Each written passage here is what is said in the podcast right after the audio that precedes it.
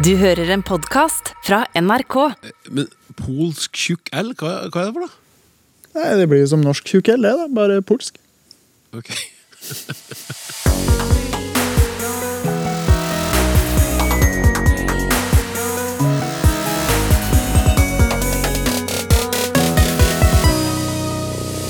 Hvor er det blitt av nonsmat og går aftes? Hvorfor heter det imbesil og ikke ambesil? Og hva er egentlig forskjellen på og så og og så? Det er klart for Lytterspørsmål spesial! Hjertelig velkommen til den aller første feiringa av Språksnakks fantastiske lytterskare i 2022. Dagens episode er nemlig i sin helhet basert på det dere har sendt inn av spørsmål til snakk krøllalfa.nrk.no, og de handler om alt fra sammenblanding av uttrykk, via undring over muntlige fenomener og bruken av det lille ordet da, til hva som avgjør hvilket prefiks som brukes når. Jeg heter Klaus Sonstad, og med meg i dag har jeg som vanlig tre språkforskere. Gledelig nok er alle til stede her i studio på Tyholt i Trondheim. La oss starte med vårt mest kortreiste panelmedlem, nemlig Rikke van Ommeren, som til vanlig er å finne på Institutt for lærerutdanning på NTNU. Videre har vi Mikkel Ekeland Paulsen, som når han ikke språksnakker, er med på den omfattende revideringa av bokmåls- og nynorskordboka ved Universitetet i Bergen. Og til slutt en nykommer i dette programmet, men en erfaren språkforsker som en del av dere sikkert kommer til å kjenne igjen fra Språkteigen, Jan Christian Hognestad fra Universitetet i Stavanger. Tradisjon tro så begynner vi med et spørsmål til debutanten, og det betyr at du åpner ballet i dag, Jan Christian. Språksnakk. Hei! Har lurt på dette i 20 år, men aldri funnet ut eller fått svar. Hvorfor sier en del østlendinger, ikke alle, pronomenet dere med feil tonelag, altså dere? De uttaler det med samme tone som i flere, altså går ned på den første én. Vi ikke-østlendinger tror fullt og fast at dere skal uttales med samme tonem som bønner, klokker, fyrster osv. Why? Spørsmålstegn, spørsmålstegn, spørsmålstegn, spørsmålstegn. Vennlig hilsen Sigrid. Og jeg forstår veldig godt alle spørsmålstegnene faktisk her. Eh, Men tonelag er jo egentlig en litt merkverdig ting. For det er jo det at ett ord kan bli til et annet ord uten at vi flytter trykket, uten at vi legger til nye lyder. Vi bare synger ordet med en annen melodi. Sånn at hvis jeg sier 'tanken', så er det beholderen for drivstoff. Og hvis jeg sier 'tanken', så er det det som forhåpentlig foregår inni hodet mitt uh, av og til. Uh, og dette er veldig artig. Uh, melodiene, disse to melodiene er veldig ulike fra dialekt til dialekt, og det er faktisk derfor det er så lett å høre hvor folk kommer ifra i Norge, for tonelagsmelodiene avslører de, så å si. Men så er det sånn, og nå eh, må vi inn på lytteren sin observasjon, for eh, vanligvis er det sånn at et ord som har tonelag 1 i min dialekt, vil òg ha tonelag 1 i din dialekt, Klaus. Ja. Eh, men nå har Sigrid funnet ut det som du refererte, at dere kan bli til dere. Og spørsmålet er hvorfor. Da skulle jeg hun- virkelig ønske at jeg kunne sagt, Sigrid, nå skal du høre, det er sånn. Men her er faktisk jeg òg eh, litt i tvil, så vi må eh, drøfte dette her bitte lite grann. Nå er det en mulighet at eh, ord kan ha ett tonelag i én dialekt og et annet i en annen dialekt. For eksempel gutternavnet Håkon. Det er tonelag 1 hos meg. Jeg sier Håkon. Men Mikkel, jeg har en mistanke om at du sier noe annet. Håkon. Håkon. Og det er din tonelag 2-melodi. Og da må vi jo i grunnen bare si at ja, sånn er det bare. Jeg har tonelag 1, og du har tonelag 2 i det ordet. Og den litt kjedelige forklaringen på Sigrid sitt spørsmål kunne jo da være at jo, det er noen dialekter som har tonelag 1 i dere. Det er en mulighet. Men så er det en annen mulighet som er litt kjekkere, syns jeg. Og da kan vi i utgangspunktet se på et annet ord, eh, nemlig ordet lenge. Det har tonelag to hos meg. Men så kan jeg finne på å si at nå har jeg virkelig venta for lenge. Oi. Der spratt lenge over fra tonelag to til tonelag én. Og hvorfor gjorde det det? Jo, det er det lille trykklette ordet for som gjør at det blir tonelag én. Da blir det altså 'jeg har venta for lenge', 'her er det for mange', og ikke 'mange', som jeg ellers sier.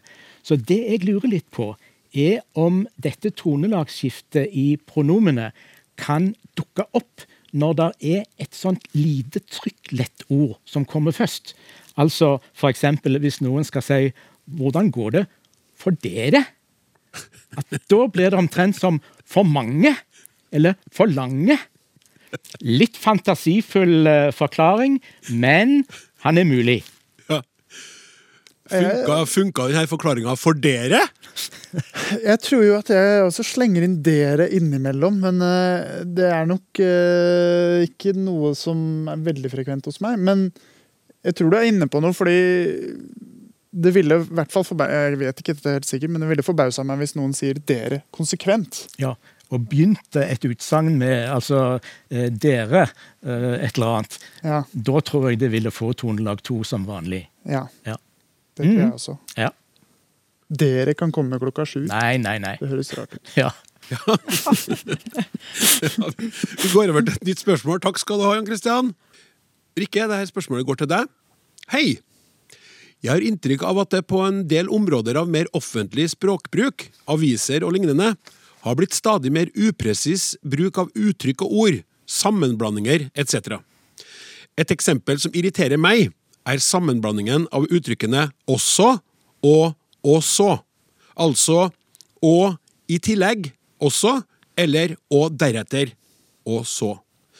Selv om dette kanskje ikke er verdens største problem, så er det for meg et uttrykk for mangelfull språkbevissthet.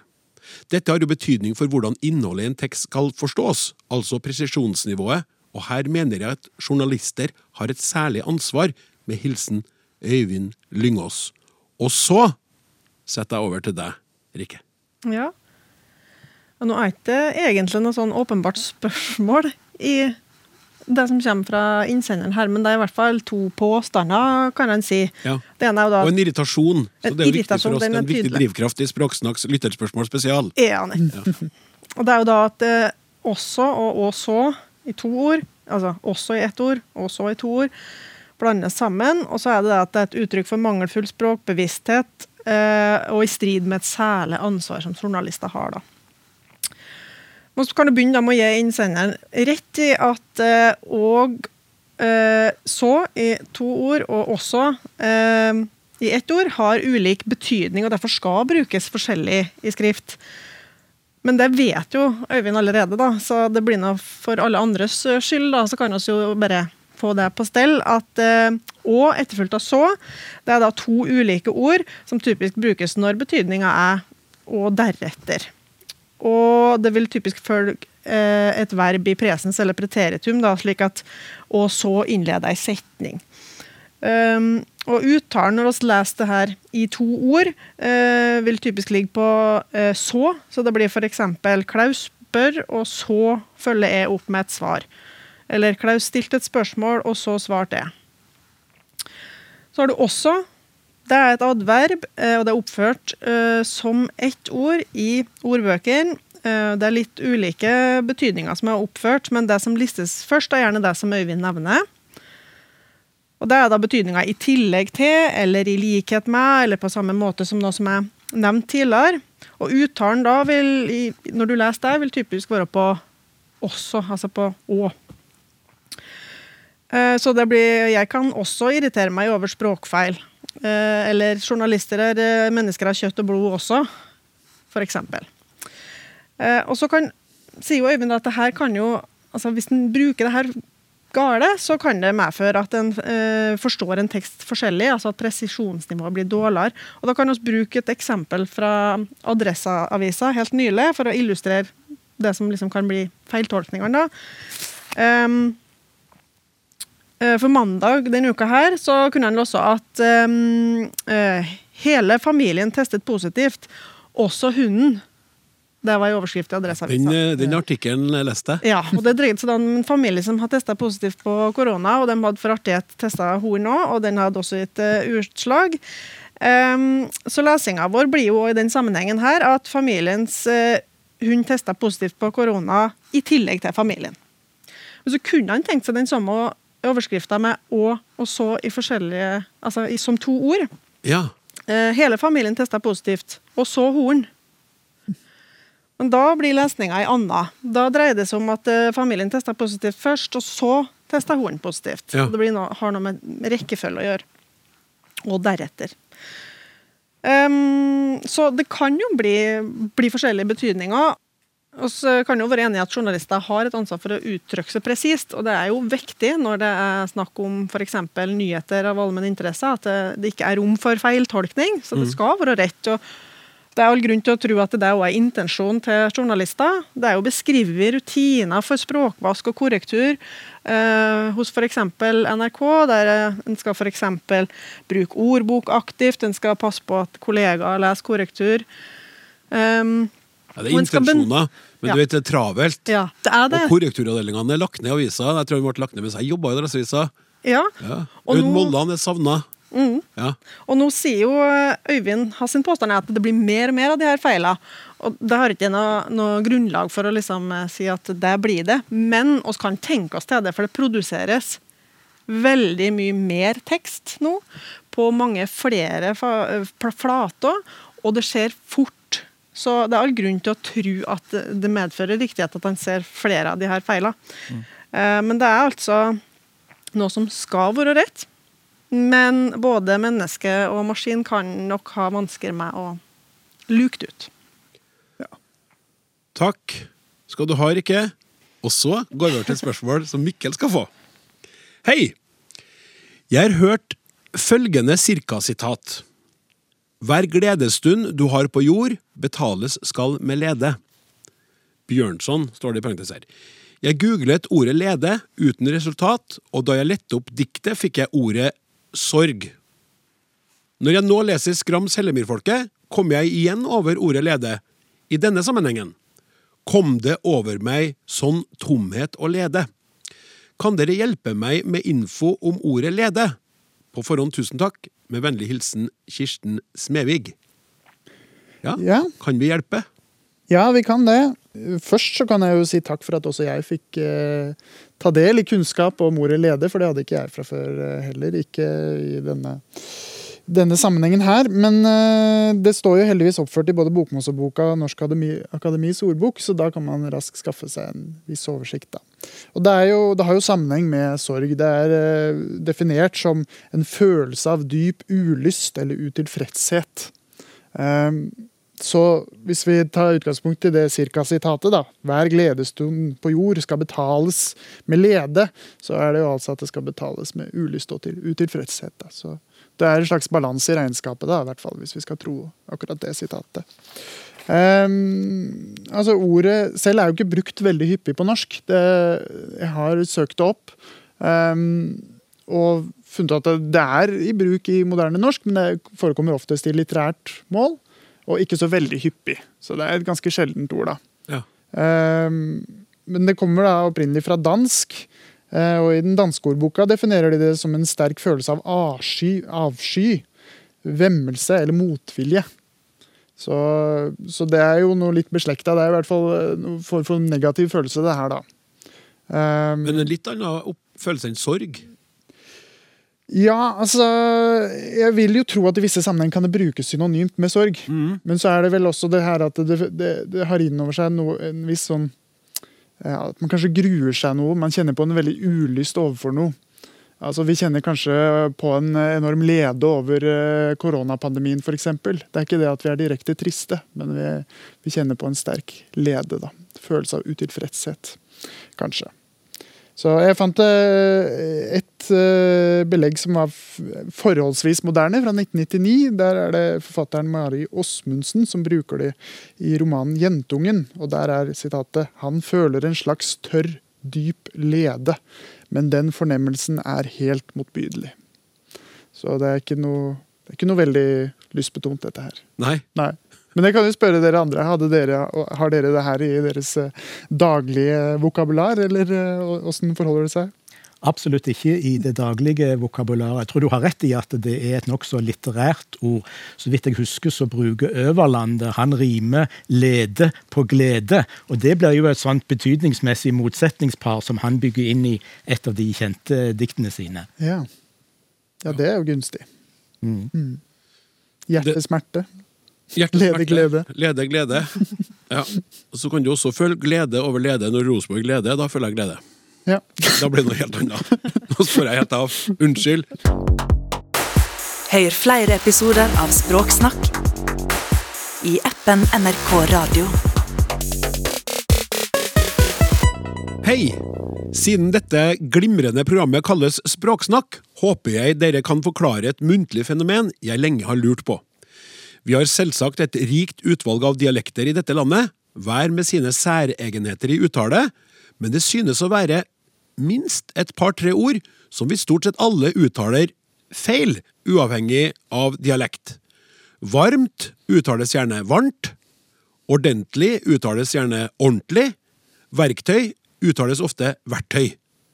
Det aner meg at dette har med at de skrevne bokstavkombinasjonene er vanskeligere å uttale enn den folkelige måten, altså at dette er et resultat av ordentlig språklig latskap, undres meget fornøyd lytter Bjørn. Ja, hva, hva dere tror? Ja, nei, Nå skal vi dykke ned i språkets mikroverden igjen, og det syns jo jeg er, kjekt. Eh, det er sånn at når visse kombinasjoner av konsonanter kommer etter hverandre, så skjer det noe i en god del dialekter. Det kan være RS, RT eller RN. Da kan vers hos meg bli til vers, hos andre ert kan bli til ert, og barn kan bli til barn. Den lyden som da blir laga, kaller vi en retrofleks på fint, og selve fenomenet kaller vi for retroflektering. Retrofleks og re retroflektering. Riktig. Å, nå koser jeg meg. Ja. Eh, Men i de ordene som eh, Bjørn eh, har sendt inn til oss, så skjer det mer. Og da har jeg lyst til å bruke et litt illustrerende eksempel. La oss ta adjektivet sterk. Der er det to konsonanter til slutt, R og K. Så kan jeg bøye det. Da blir det sterkt. Da blir det tre konsonanter etter hverandre, og det er jo ganske mye. Og da skjer det ofte ting når vi snakker. Den siste T-en, som var bøyningen, den må vi jo ha. Men den nest siste, altså K-en i sterk, den lever litt farlig. Så den kan forsvinne. Og hvis det hadde vært i min dialekt, så ville jo jeg da bare sagt sterkt. Det der var veldig sterkt, og det kunne jeg godt si. Men var det en østnorsking, eksempel, som sa det, og som tok vekk K-en, så ville jo R-en og T-en komme rett attmed hverandre. Og da skapes det grunnlag for retroflektering. Så da blir det eh, ikke sterkt, for K-en forsvinner. Det blir sterkt. Eh, så her skjer det to ting. Én lyd forsvinner, eller blir endra, og så slår retroflekteringen til og lage varmt og ordentlig og verktøy. Og så er det også fristende å pirke litt i forholdet mellom skrift og talespråk, da, som kommer litt til syne i det spørsmålet her. Fordi eh, i den grad vi kan si at det, det, ene utgjør basis for det andre, så er det talespråket som ligger til grunn for skriftspråket, og ikke motsatt. For talespråket er jo det som har blitt til organisk, og som har utviklet seg naturlig, og som vi mennesker i fellesskap har utviklet. Mens skriftspråket er noe som er konstruert og bestemt. Og, og skriftspråket er jo ikke ment for å regulere talespråket. Det er jo ment for å regulere skriftspråket, så reglene i skriftspråket regulerer bare seg selv. da. eh, og eh, det er jo også Vi kan jo gå videre på å si at det er ingen av oss som snakker akkurat sånn som vi skriver. Det ville vært veldig upraktisk.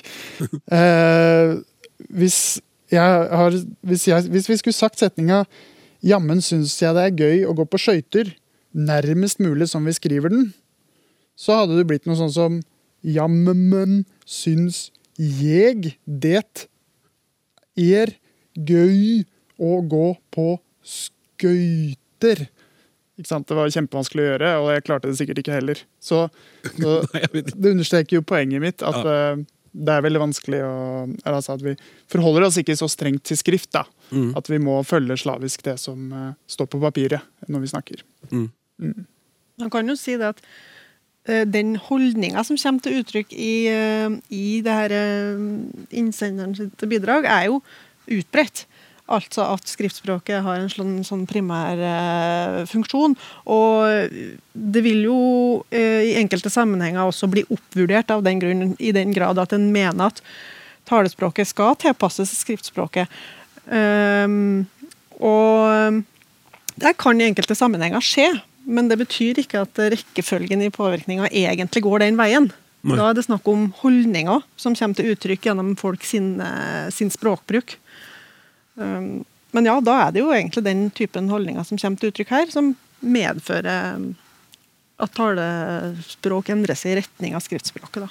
Ja, Eh, Klaus, kunne jeg få lov å si en ting til? selvfølgelig. Eh, hvis skriftspråket virkelig skulle styre, så kunne jo jeg som vestlending eh, blitt normativ og si nei, du må ikke si vers. Du må jammen si vers, for sånn skriver vi det. Du må ikke si ert, du må si ert, for sånn skriver vi det. Det ville vært sånn skriftspråktenkning, og det tror jeg eh, østlendingene blant oss her, eh, og alle andre òg, ville hatt stor motvilje mot. Men vet dere hva? For 100 år siden, eller litt mer, så ble de formene barn, art og vers de ble sett ned på. Omtrent på samme måte som noen i dag ser ned på kjole og kjøkken. Eh, og se hvor aksepterte eh, barn og vers og ert er blitt etter hvert. Ingen vil jo ha innvendinger mot de i dag, men det hadde de altså for lenge, lenge siden. Åh, jeg skal ikke si på hvilken side jeg er i den derre kjole-kjole-diskusjonen. Hvis du nå sier at Skjole blir greia om noen år, så da er jeg, da er jeg for, jeg òg.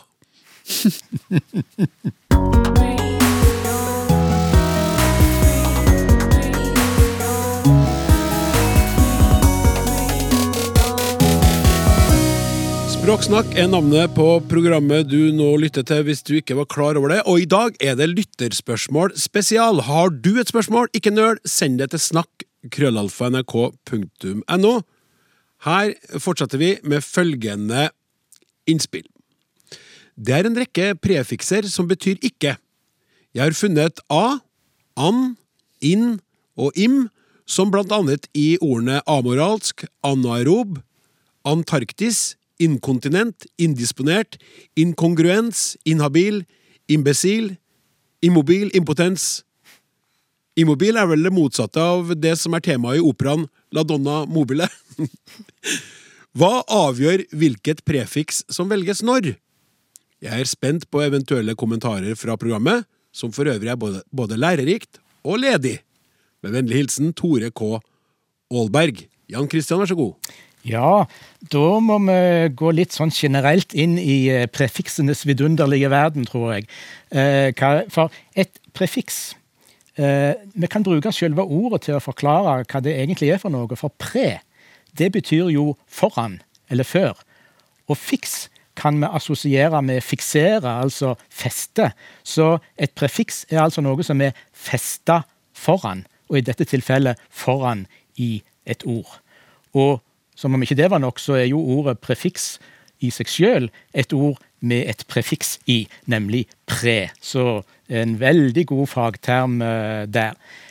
Så skulle en jo tro at vi hadde en liten haug med norske prefikser som vi kunne bruke når vi lager nye ord. Men det har vi egentlig ikke. Eh, For lenge, lenge, lenge siden hadde norsk masse prefikser, men de har stort sett forsvunnet eh, i århundrenes løp. Et av de få prefiksene med lang fartstid i Norge som vi har fremdeles, det er jo u. Som får fin til å bli ufin, og hyggelig til å bli uhyggelig. Eh, men eh, når Tore spør hvordan velge en prefikser, så er nok mitt svar at nei, vi velger de egentlig ikke. Fordi ord med prefikser har ofte kommet til oss fra andre språk. Det er lånord eller importord. Og da har de kommet komplett med prefiks og det hele. Så vi har bare overtatt prefiksene fra det språket som har lånt oss uh, ordene. Uh, så da måtte vi jo heller snakke om hvordan har de valgt uh, prefiks i disse andre språkene. og de andre språkene kan være gresk og latin eller tysk. Og det fører nok litt for langt å gå inn i, i, i dette programmet. Så, så, her har vi kommet til dekka bord, så å si. Ferdige låneord med ferdige prefikser. Ja. Men så syns jeg at uh, Tore fortjener uh, litt mer kommentar enn at jeg bare sier nei, vi velger ikke, vi har lånt ordene.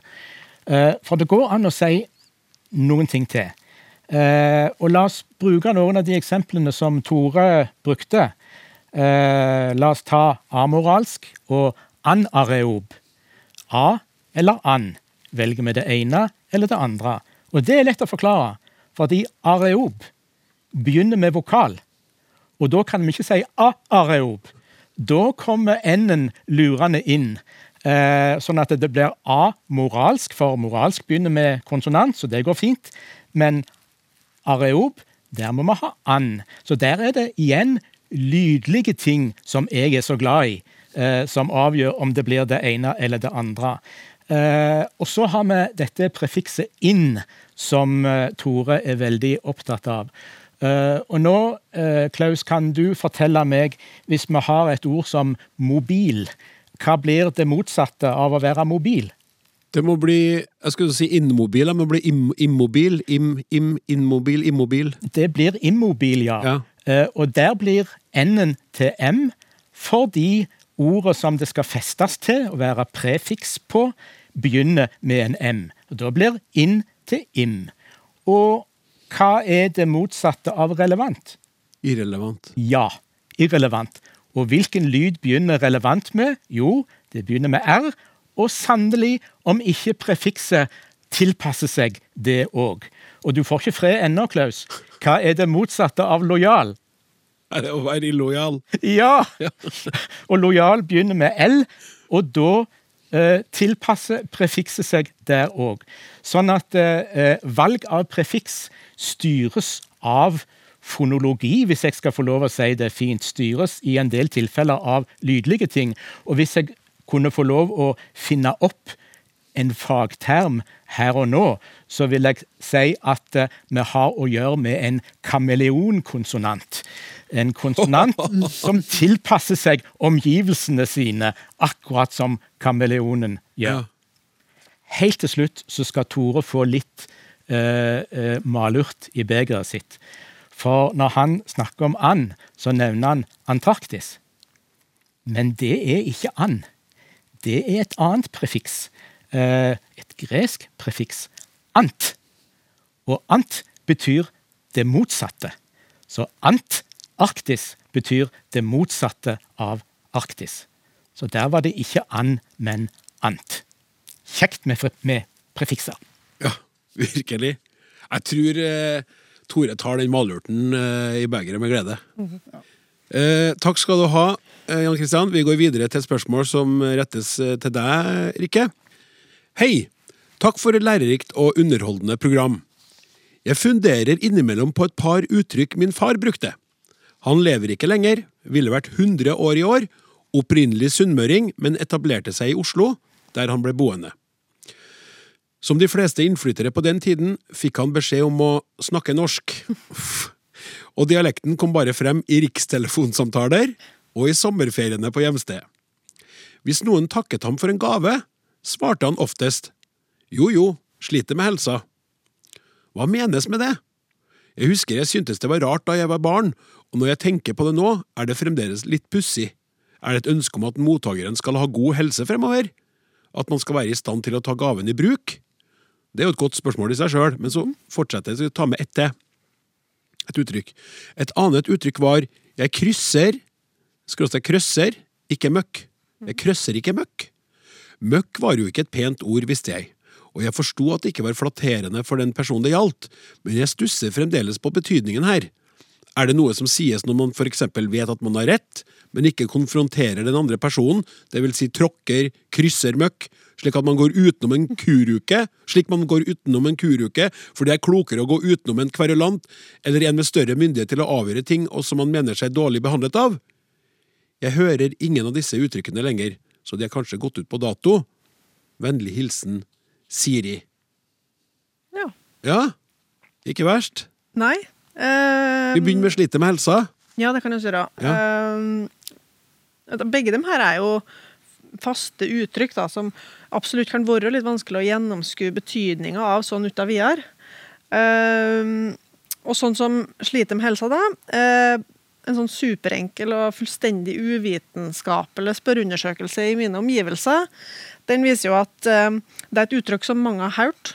Eh, en del eh, tror de kan bruke rett i en sammenheng, eh, men ganske få kan gjøre eh, sånn nøye rede for betydninga av, egentlig. Jeg rekker opp hånda. Ja, sant? For at av dem to her, så er det jeg har hørt. Ja. Og den der beskrivelsen passer Ja. perfekt.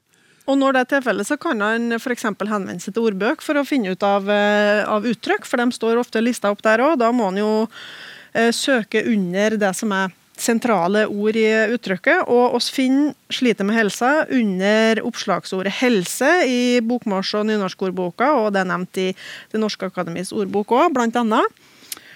Og i sistnevnte der da, så står det at grunnbetydninga er måtte du være sunn og frisk så lenge du bruker den eller det eh, som gis bort. Eh, og at det er en stående vending da, når han gir bort noe som er til bruk, f.eks. klær. da. Eh, så innsenderen har her egentlig ganske rett i gjetninga si om at det dreier seg om et slags ønske om helse for mottakeren. Hun nevner jo at eh, faren var fra Sunnmøre. Selve uttrykket er nok ikke spesielt eh, dialektalt, men det fins jo da dialektale varianter. Og litt sånn googling eh, viste meg at det er en vintagebutikk i Bergen som eh, heter Slitan. Eller hvordan skal en si det på bergenser, da? Slitan. Slitan. Slitan. Ja, Slitan. slitan. Med helsen. Mhm, Og det spiller jo på det samme uttrykket, da, men Ja. en lokal variant. Så det er også et generelt tips å sjekke ordbøk når en er på jakt etter betydninga til faste uttrykk. Ja, og, eller, eller, eller altså, du kan også sende spørsmål til språksnakk. Det Ja, det kan du, ja. snakk.krøllalfa.nrk.no. For Hvis alle begynner å søke opp ordbøkene, så vil jo vi få færre spørsmål. det er sant. Det er lengre behandlingstid her, da. Ja, det, det har du rett i. Eh, men altså, i Slite med helsa så var det da helse som var liksom det magiske søkeordet. Eh, mens i uttrykket krysse møkk, som er det neste, der er det magiske ordet eh, krysse.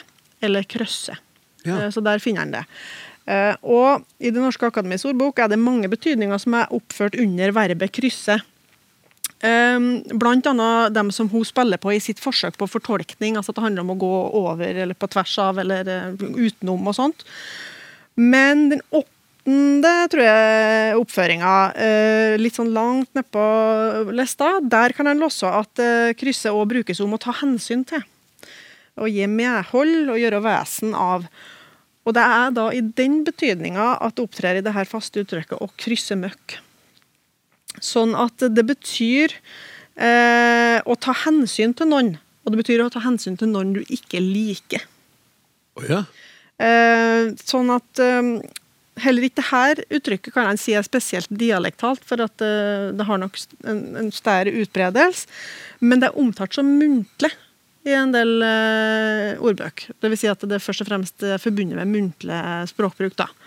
Uh, uten at det Altså, eh, Sjøl om du syns personen er en skikkelig drittsekk, så, så forholder du deg til henne eller stiller opp for henne? Er mer sånn? Ja, eller at du, det er det du ikke gjør. Du, er, Du gjør det ikke, nei. Nei, Nettopp. Du, du, du gjør det mot Du, du, du går ikke, da styrer du unna. Ja. Du gidder ikke å forholde deg til en sånn Hvis du sier 'jeg krysser ikke møkk', så betyr det at du velger å ikke ta hensyn til noen som du ikke liker. Nettopp. Eh, ja, men det er i hvert fall helt fantastisk gjetting som pågår underveis i resonnementet til, til innsenderen. Altså. Det er all honnør, men det, det er da en litt annen betydning av krysset uh, enn den hun spiller på. Ja. Takk skal du ha, Rikke, og takk skal du ha, Siri, for det fine spørsmålet ditt. Vi går videre til et, et kort, lite eh, spørsmål fra en som velger å kalle seg sjøl for 1954-modell. Hei! Hvorfor mister vi gamle og vakre ord så som eh, nonsmat, går aftes og adjø, og slike ord som var vanlige for ikke så lenge siden? Det er jo et, eh, et konkret og samtidig ganske filosofisk spørsmål, spør du meg. Det skaper litt sånn vemod inni meg òg. Ja. Jeg er da 69-modell og kjenner på det samme. Mikkel, du, hvilken modell er du? 91. 91, ja. Mm. Så du har vel ikke det vemodet rundt går aftes, eh, kanskje? Nei, altså man kan jo bli vemodig over ting som eksisterte før ens egen tid òg, men uh, mitt vemod uh, sentrerer seg kanskje mer rundt sånn Nintendo 64 og sånne type ting enn en, en ord som nonsmat, i hvert fall. For det har vi i hvert fall aldri spist hjemme hos meg. Uh, men eh, jeg skal prøve å gi Altså, Det er jo et godt spørsmål, og det er dessverre ikke så veldig enkelt å svare på. eh, Men jeg skal prøve å ta det på høyeste alvor, og for at jeg skal gjøre det, så må jeg sortere bort to av de ordene som nevnes. Så jeg skal konsentrere meg eksklusivt om nonsmat. Så prøve å gi et veldig grundig svar på, på hvorfor vi eventuelt mister nonsmat. da. Så det første jeg kan ta tak i, er jo at eh, vi mister jo strengt tatt ikke ord. Altså I streng forstand så mister vi det jo ikke. De er jo der, og kan jo gjenbrukes. Og, og vi kan bruke det i denne sammenhengen her, kan jeg si noen som at går oftest og adjø, uten å forklare hva det betyr. Så de ligger på en måte parate til bruk fortsatt, disse ordene her. Eh, men hvis vi tolker å miste som å gå ut av bruk, eller gå fra å være vanlig brukt til å bli mindre brukt, så kan vi begynne å gjøre noen undersøkelser på hvordan det forholder seg med nonsmat. da. Og det som kanskje er litt overraskende, er at når man søker i Nasjonalbibliotekets arkiver, så finner man at nonsmat det har holdt seg ganske stabilt. altså. Eh, I bruk i skriftlig norsk. I skriftlige utgivelser så er det ganske stabil bruk av det. Ok, Men skal vi kanskje si hva det er? Hva nonsmat er? Ja. Ja, altså det er vel Det er jo et eh, måltid som inntas på ettermiddagen, da. Så ettermiddagsmat kan jo være en, eh, en oversettelse. ja bare greit å bare ha det med videre. I, Det er eh, Det var bra du sa. ikke at jeg jobber med sånn bokmålsordbok og sånne ting, men Veldig bra. Ja, nei, Det holder seg ganske stabilt skriftlig, så skriftlig så er det ikke så veldig lett å stadfeste at dette er noe som er på vei ut. Eh, Det ser i hvert fall ikke sånn ut. Men hvis man gjør en stikkprøve på hva slags type utgivelser det forekommer i, så ser man at det er mye kulturhistoriske utgivelser. Det er beskrivelser av gårdsliv fra hine og hårde dager. Mm. Så det kan jo tyde på at ok, det, eh, skriftlige utgivelser nå, ja, det forekommer, men i daglig muntlig bruk blir det kanskje brukt mindre, eller blir kanskje brukt mer før, da, siden vi bruker det i beskrivelser av gamle dager. Eh, men det er jo også veldig vanskelig å måle da, hvor ofte et ord er blitt brukt eh, på daglig basis nå og før. Det vil jo kreve ganske mye mer overvåkning enn det vi egentlig får lov til av Forskningsetisk komité. Så da må vi heller prøve å resonnere litt sånn logisk. Ja, hva kan være grunner til at nonsmat har gått ut, da? Og der har jeg funnet to mulige forklaringer, som jeg på ingen måte vet om er riktige, men som i hvert fall logisk sett vil kunne påvirke bruken av nonsmat negativt. da. Og Det ene er jo at vi har fått inn et, en konkurrent i lunsj. Eh, ordet lunsj eh, er ikke like gammelt som nonsmat i norsk, og det utbredelsen til lunsj har gått veldig opp fra de, ja, de siste 30 årene. Og, og det kan også hende at vi bruker middag eh, rett og slett, om dette nonsmatmåltidet. Så da har du lunsj og middag som to potensielle konkurrenter da, med nonsmat, som kan ha fortrengt de sammenhengene som nonsmat vanligvis ville fungert. En annen forklaring kan jo være at eh, nonsmat er knyttet opp mot en, en type livsstil, skal vi si det. Eh, hvis siden det da forekommer i kulturhistoriske utgivelser og beskrivelser av landbruk og sånne ting, så kan det jo hende at nonsmat er knyttet opp mot nettopp bondegjerningen. At det var et måltid du trengte på denne på nons, da, under nons, altså på ettermiddagen. Eh, så da vil jo det enkle faktum at det færre er Vi driver med mindre landbruk. Altså det er mindre allment å drive med landbruk nå enn det var kanskje for 100 år siden.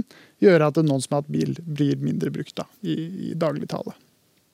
Så der er det to mulige forklaringer. Men jeg kan ikke si det, jeg har ikke empiri som kan slå fast at noen av de er riktige. da. Eh, Jeg syns det er veldig fint eh, at du sier at disse ordene egentlig ikke forsvinner, men at de er hos oss ennå. Og da tenkte jeg på adjø, et av de andre ordene til 1954-modellen vår. Eh, For mine foreldre, for de var adjø et reelt ord som de brukte. Det er det ikke for meg, men jeg kan finne på å resirkulere det. I den rette forsamling så kan jeg reise meg når jeg skal gå hjem, og så kan jeg bukke og si adjø høytidelig. Eh, Og da er det en slags sånn påtatt høytidelighet. Da leker jeg med språket eh, i den forsamlingen der jeg er. Og sånn kan sånne gamle ord eh, bevise at de er hos oss ennå. Og hvis man sier på den skriftlige bruken av adjø, så der har du en veldig sånn Der har du en fjelltopp. Eh, på, hvis man ser på en kurve på hvor mye det blir brukt i, i, i norske utgivelser. Så, og den toppen er sånn 1950 ca. Da nådde adjø sin topp, og så har det gått litt ned igjen. Så nå er vi tilbake på sånn 1910-1920-nivå. Ja. Så, så ordene kommer og, og går litt, men de forsvinner jo ikke, ikke helt. Jeg tror de skulle ha en topp, eh, at Adjø skulle ha en topp på 80-tallet med Jahn Teigens eh, uforglemmelige eh, låt. Men. Tusen takk skal du ha, eh, Mikkel. Og der så vi det, at eh, vi fikk et stort og fint svar på et lite spørsmål.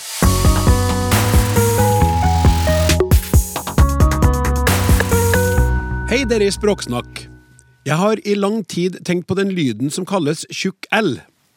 Med litt kunnskap, bare litt, i de latinske språkene har det kommet for meg at den tjukke L-en kanskje var en gammel variant i språket, som nå er omgjort til L, L eller R. To eksempler på variantene i spansk og portugisisk er playa, praia og blanco, branco. Det samme ser vi i norsk. Sol med tjukk L, gård med tjukk L. En kan si sol, men ikke gål uten tjukk L. Svensk-norsk i fjord, i fjor. På sanskrit og hindi har det et eget tegn for den lyden, også der hindi skrives med arabiske tegn. Utenom det vet jeg ikke noe om utbredelsen av lyde, lyden eller skrifttegnet i den arabiske verden. Det tyder jo på at lyden har vært kjent og brukt i mange tusen år. Hvorfor har ikke det greske og det latinske alfabetet et tegn for en sånn lyd? Er lyden idoeuropeisk, eller er den global? Har urfolkene i verdens regnskoger den lyden i sitt språk? Jeg har spurt en kjenning om lyden finnes i grønlandsk, og han svarer benektende på det. Og så kommer det her til, eh, nevner da innsender et, et særtegn i, i polsk, eh, eh, en sånn tjukk L med skråstrek, og lurer på om det hadde vært mulig å bruke den samme L-en som tjukk L i norsk skriftspråk. Vi i Norge som bruker den lyden, er veldig mange, særlig på Østlandet og oppover til Trøndelag. Vi føler oss litt krenket med latteremoji. Med vennlig hilsen, og jeg bare sier det her er et fantastisk navn, Kolfinn Fleischer. Ja, hva sier panelet? Her var jo en eh, ganske stor eh, e-post med mange ting, men det handler jo om den tjukke L-en, da. Det gjør det. Og så handler det jo om eh, hvordan man skal forklare at han eh, er i språket vårt, da. Eh, og om han har noe opphav som eh, kan relateres til at lyden også finnes i andre språk og sånn. Man skal nå begynne med å slå fast at når, i språksammenheng så er det ikke alltid sånn at det som lekner på hverandre, er i slekt med hverandre. Um, så det som innsenderen her omtaler som tjukk L, det er da en språklyd som ganske riktig finnes i mange tradisjonelle norske dialekter. Uh, ikke alle, men i mange. Og det er den lyden da som jeg har i f.eks. navnet ditt, Klaus. Uh, og selve lyden den logges da med at den tunga den føres bakover, og så slår den framover mot eh, ganen. Eh, så den tunga slår eller flapper framover, så det kalles eh, en retrofleksflapp med en mer presis fagterm. Retrofleksflapp? Retrofleksflapp. Enda et festord i dag. Ja. Eh, men tjukk L er jo da utvilsomt den mest kjente nevninga, så skal vi egentlig holde oss til den, da. Og det stemmer òg at noen svenske dialekter har denne språklyden, og forekomsten i Sverige den kan vi forstå som beslekta med vår. For den eh, har felles opphav med vår tjukke L, hvis vi kan kalle det. Eh, for både i norsk og svensk så representerer den lyden ei utvikling fra norrønt. Eh, og det er to lyder i norrønt som eh, realiseres med tjukk L i moderne norske dialekter. En har tjukk L i ord som har L i norrønt, eller R og stungen D, ed, eh, i norrønt. Så f.eks. i orda som innsenderen viser til, sol og gal. Ja. Men det er altså ikke sånn at tjukk L er en gammel variant i språket, eh, som er gjort om til L eller R eh, senere. Det er den tjukke L-en som er nyvinninga. Eh, sånn at, ja Nyvinning og nyvinning, da. Den, det er jo fryktelig lenge siden den var en nyvinning. Um, En gammel mellom- nyvinning. Gammel, gammel nyvinning. Um, en som heter Eldar Heide, som har skrevet om tjukkel, han uh, tidfester vel at den kommer inn uh, mellom 1300 og 1450 et sted. Um, så det er jo ikke en sånn superhip innovasjon, kan en si, men uh, den er altså den er en nyskaping. Og den finnes da, som uh, innsenderen peker på, i flere andre språk, annet i noen portugisiske varieteter, og i punjabi, i tamil. Eh, men den er relativt sett ganske sjelden i språk i verden. Og enda viktigere enn det er det at de plassene som man finner denne lyden utenfor Skandinavia, så er ikke snakk om en eh, lyd som er beslekta med vår tjukke L. Så det, det er samme lyden, men det er ikke samme opphavet. Og så på en måte logo vår sjøl, da. Same, same, but different. Ja, riktig. Eh, Så antar vi at den har spredd seg eh, til Norge fra det som vi i dag forstår som Sverige. Eh, Og, at den har spredd seg i Norge fra da øst mot vest, men den har stoppa mot Langfjellet. Så på Vestlandet, i de vestnorske dialektene, så har han ikke tradisjonelt tjukk L. Et unntak her er Romsdalen, da, som har mye mer til felles med talemåla nord for seg. Men du finner den da i, med noen unntak i store deler av østnorsk, og så har du den i trøndersk, og så i Nord-Norge, opp til Salten, cirka. Eh, og så finner den også ei lita øy i Indre Troms, der det har vært mye innflyttere fra Østlandet, og der òg finner den eh, tjukk Ja.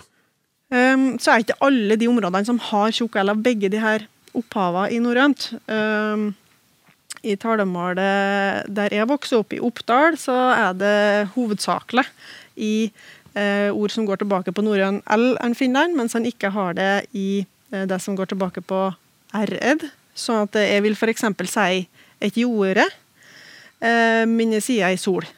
ja. Ikke et jorde. Mm. Mens de som har da begge opphav, de vil si ei sol og et jorde. Og så Hvis vi skal prøve å svare på hvorfor vi ikke har en egen bokstav da, for tjukk L i norsk, til tross for at den er ganske utbredt i, landet vårt, så, så det må vi knytte det Det har sannsynligvis med det vi kaller fonemer å gjøre. Og et fonem er en språklyd som er betydningsskillende fra en annen. Så P og F er ulike fonemer fordi vi kan lage det vi kaller et minimalt par, der bruken av P eller F gjør hele forskjellen. Så hvis vi har ordene prakt og frakt, så er det bare forbokstaven P eller F som sørger for at det er forskjellige ord med forskjellige betydninger, kan man si. Eh, og så har vi også noen språkløder som er forskjellige, men som ikke har denne betydningsskillende funksjonen. Eh, så for eksempel eh, rulle-r og den r-en som jeg har i min dialekt. Om jeg sier rullebrett, eller om jeg sier rullebrett, så er ikke det noe betydningsforskjell på de to ordene. Det er jo heller en dialektforskjell. Men for eksempel i spansk så har disse lydene betydningsskillende fusjon. Det er for eksempel forskjell på ordet pero og perro. Perro er hund, og pero er konjunksjonen menn. Så, så det varierer jo fra språk til språk og dialekt til dialekt hvilke lyder som er betydningsskillende. da. Og så Hvis vi da kommer tilbake til denne tjukke L-en, så går det jo faktisk an å lage minimale par med tjukke L. Hvis jeg sier kul eller kul, så er det Altså, jeg ville aldri sagt kul for det ordet som betyr tøff eller, eller lignende. Det er liksom en, noe du har fått i huet eller lignende, da. Mens eh, kul uten tjukk L, det blir det tøff eller ja, det Stil. adjektivet. Stilig. Nettopp. Eh, så, så hvorfor er ikke da den tjukke L-en i skriftspråket? Men det kommer antagelig til at det, ja, du kan lage minimale par med tjukk L, men, men det er ikke like allment å ha den forskjellen i dialekta si, som det er for med forskjellen på P og F, da, som er gjengs for hele Norge. ikke sant? Siden det er såpass mange i dette landet som ikke har tjukke L i dialekta si, så blir det veldig vanskelig for dem å plassere den tjukke L-en riktig i, i skriftspråket. da, hvis, eh, Når de ikke har det i talespråket. Fordi den ja, Hvor den plasserer seg, er ikke innlysende med mindre du, du har den dialekta sjøl. Og eh, så er jo eh, skriftsystemet vårt ikke bare nasjonalt, må det være, som du sier, men det er jo òg for så vidt et kompromiss, for det er jo andre lyder òg som potensielt sett kunne hatt egne bokstaver, men som ikke har det, i likhet med den tjukke l-en. Og vi har jo vært inne flere ganger på dette med sjø og kjø, eh, og de har jo ikke heller egne bokstaver. Der må vi hjelpe oss med å skrive flere bokstaver når vi vil ha fram eh, de lydene. Eh, så skal vi avvike fra den slagne landevei når det gjelder lyder, så må vi veldig fort over på lydskrift. Ja.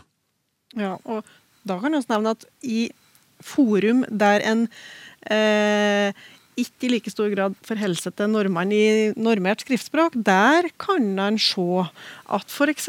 tjukk L blir eh, forsøkt uh, gitt uttrykk for i skrift. Sånn som i sosiale medier, der folk kanskje prøver å skrive mer sånn talemålsnært. Kanskje faktisk prøver å, gi skriftlig uttrykk for uh, det lokale talemålet. Mm. Der kan en uh, sumgang se at det, uh, den f.eks. bruker en stor L i stedet for en liten L når de skriver et ord. Og da er hensikten å indikere at her er det snakk om tjukk L. sant? Ja. Og I de sammenhengene så kan han jo se på, på det som et skrift skriftlig uttrykk for lokal identitet. Da, at det er en sosiolingvistisk markør i skrift. I mangel på, altså Man mangler jo det her, eh, den tjukke l-en, og så tar man og bruker stor l istedenfor å Nemlig. bringe den inn. Så, så, det er en slags sånn folkelig form for uh, skrivepraksis da, som, som, prøver å gi, gi, uttrykk for noe som folk opplever som vektig. Ja. Mm. Det er en kjærlighetserklæring, rett og slett, ja. til den tjukke l-en. Rett og slett. Det er noen som elsker den. Mm -hmm. Du hører på Språksnakk, som nå er godt i gang med lytterspørsmål spesial. Har du et spørsmål på lur, send det til snakk krøllalfa.nrk.no, akkurat som Carl Christian Vosleff har gjort. Det lille ordet da, som er et adverb, brukes ofte i talespråk som et lite vedheng, senest i siste Språksnakk. Om det finnes noen steder i språket, så har vi ikke oppdaget det, da. Andre eksempler, så dro vi hjem, da. Og så kom de på besøk, da. Ordet, ordet da har egentlig ingen betydning for det vi sier. Det aksentuerer ikke noe som blir sagt. Likevel forekommer det hyppig i dagligtale, og det er interessant som et språklig fenomen. Har Språksnakk en kommentar til dette? Ja, det får jo prøve å gi et svar på det. Det første man kan gjøre, er jo å slå opp eh, Norske Akademis ordbokartikkel eh, på ordet 'da'. Og så Den er lang som et vondt år, så der er det så mange betydningsnivå at eh, det vil ikke være tid til å gå gjennom alle de her. da.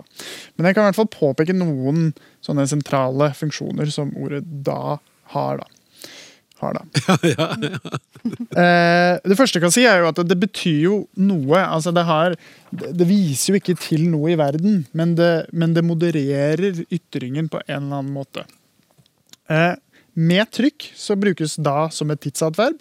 Fra da av ble alt bedre, eller da jeg kom hjem fra jobb i dag, sto huset i fullt fyr. Eller for å referere til saksforhold. Da kan det være det samme. Men Uten trykk så er det mer diffust hva det betyr. Men det er i hvert fall noen kategorier da, som vi kan peke på. Og Det første er at det kan brukes for å markere et spørsmål. Hva gjorde dere da, da? Eller hvor skal du da? Så det er en viss forskjell på hvor skal du og hvor skal du da. Um, kanskje er det noe med trykket der, at du slipper å legge så veldig mye trykk på hvor eller du. Hvor skal du, eller hvor skal du, men bare hvor skal du da? Eh, kanskje, Det kan også brukes konkluderende. Ha det, da. Vi snakkes, da. Du kan bruker det ofte når du snakker til barn, for å uttrykke nærhet eller berolige. Hva heter du, da? Istedenfor 'hva heter du'? Det er, det er Nei, litt mykere. Deg, hva heter du, da? Ja. ja. Har du slått deg, du, da? Har du slått deg, du, da? Ja. ja. Eh, og så er det jo og Her sier jeg at det er mykt, men det brukes jo også for å uttrykke irritasjon eller oppgitthet. oppgitthet. Altså, det får da være måte på. Herregud, da. Ikke sant? Eh, og så er det en ganske sånn interessant og vanskelig betydning som er eh, noe sånn som rimeligvis, eller at det i henhold til en eller annen felles kjent eller felles akseptert virkelighet, så forholder det seg på en viss måte. Og nå skal jeg gi et eksempel for å forklare. Det er da Klaus sin oppgave som programleder å styre samtalen.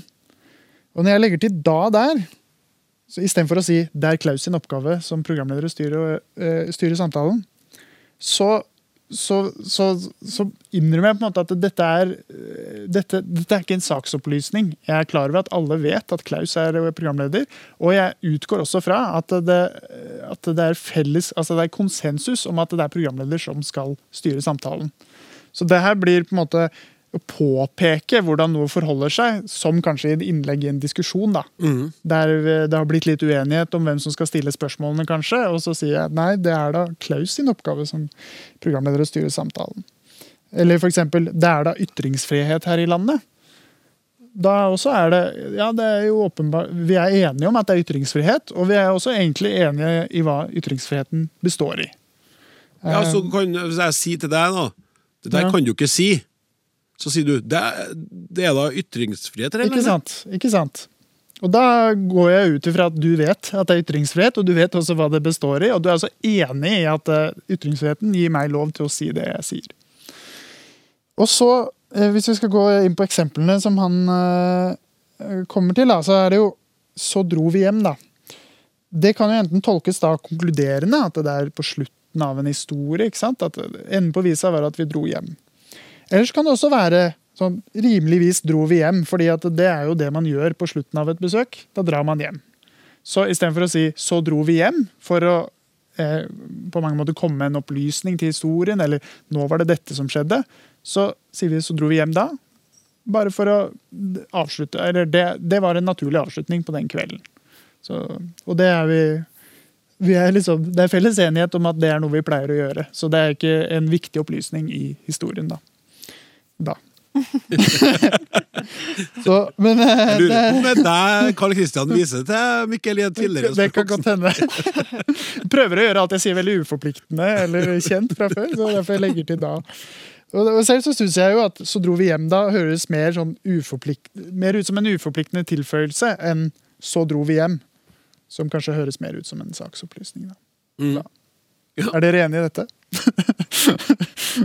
ja, er, er, er, skal vi si at det var greit? Absolutt. Ja. For det er nemlig sånn at uh, det var alt vi rakk, da. I denne spesialen. Bråksnakk er slutt for i dag. Jeg tar av meg capsen for vårt eminente panel, som denne gangen besto av Rikke van Ommeren, Mikkel Ekeland Paulsen og Jan Christian Hognestad. I redaksjonen Martin Våge, Hilde Håbjørg, Hille Zahl og Petter Gustavsen. Jeg heter Klaus Sonstad. Vi snakkes. Du har hørt en podkast fra NRK. De nyeste episodene hører du først i appen NRK Radio.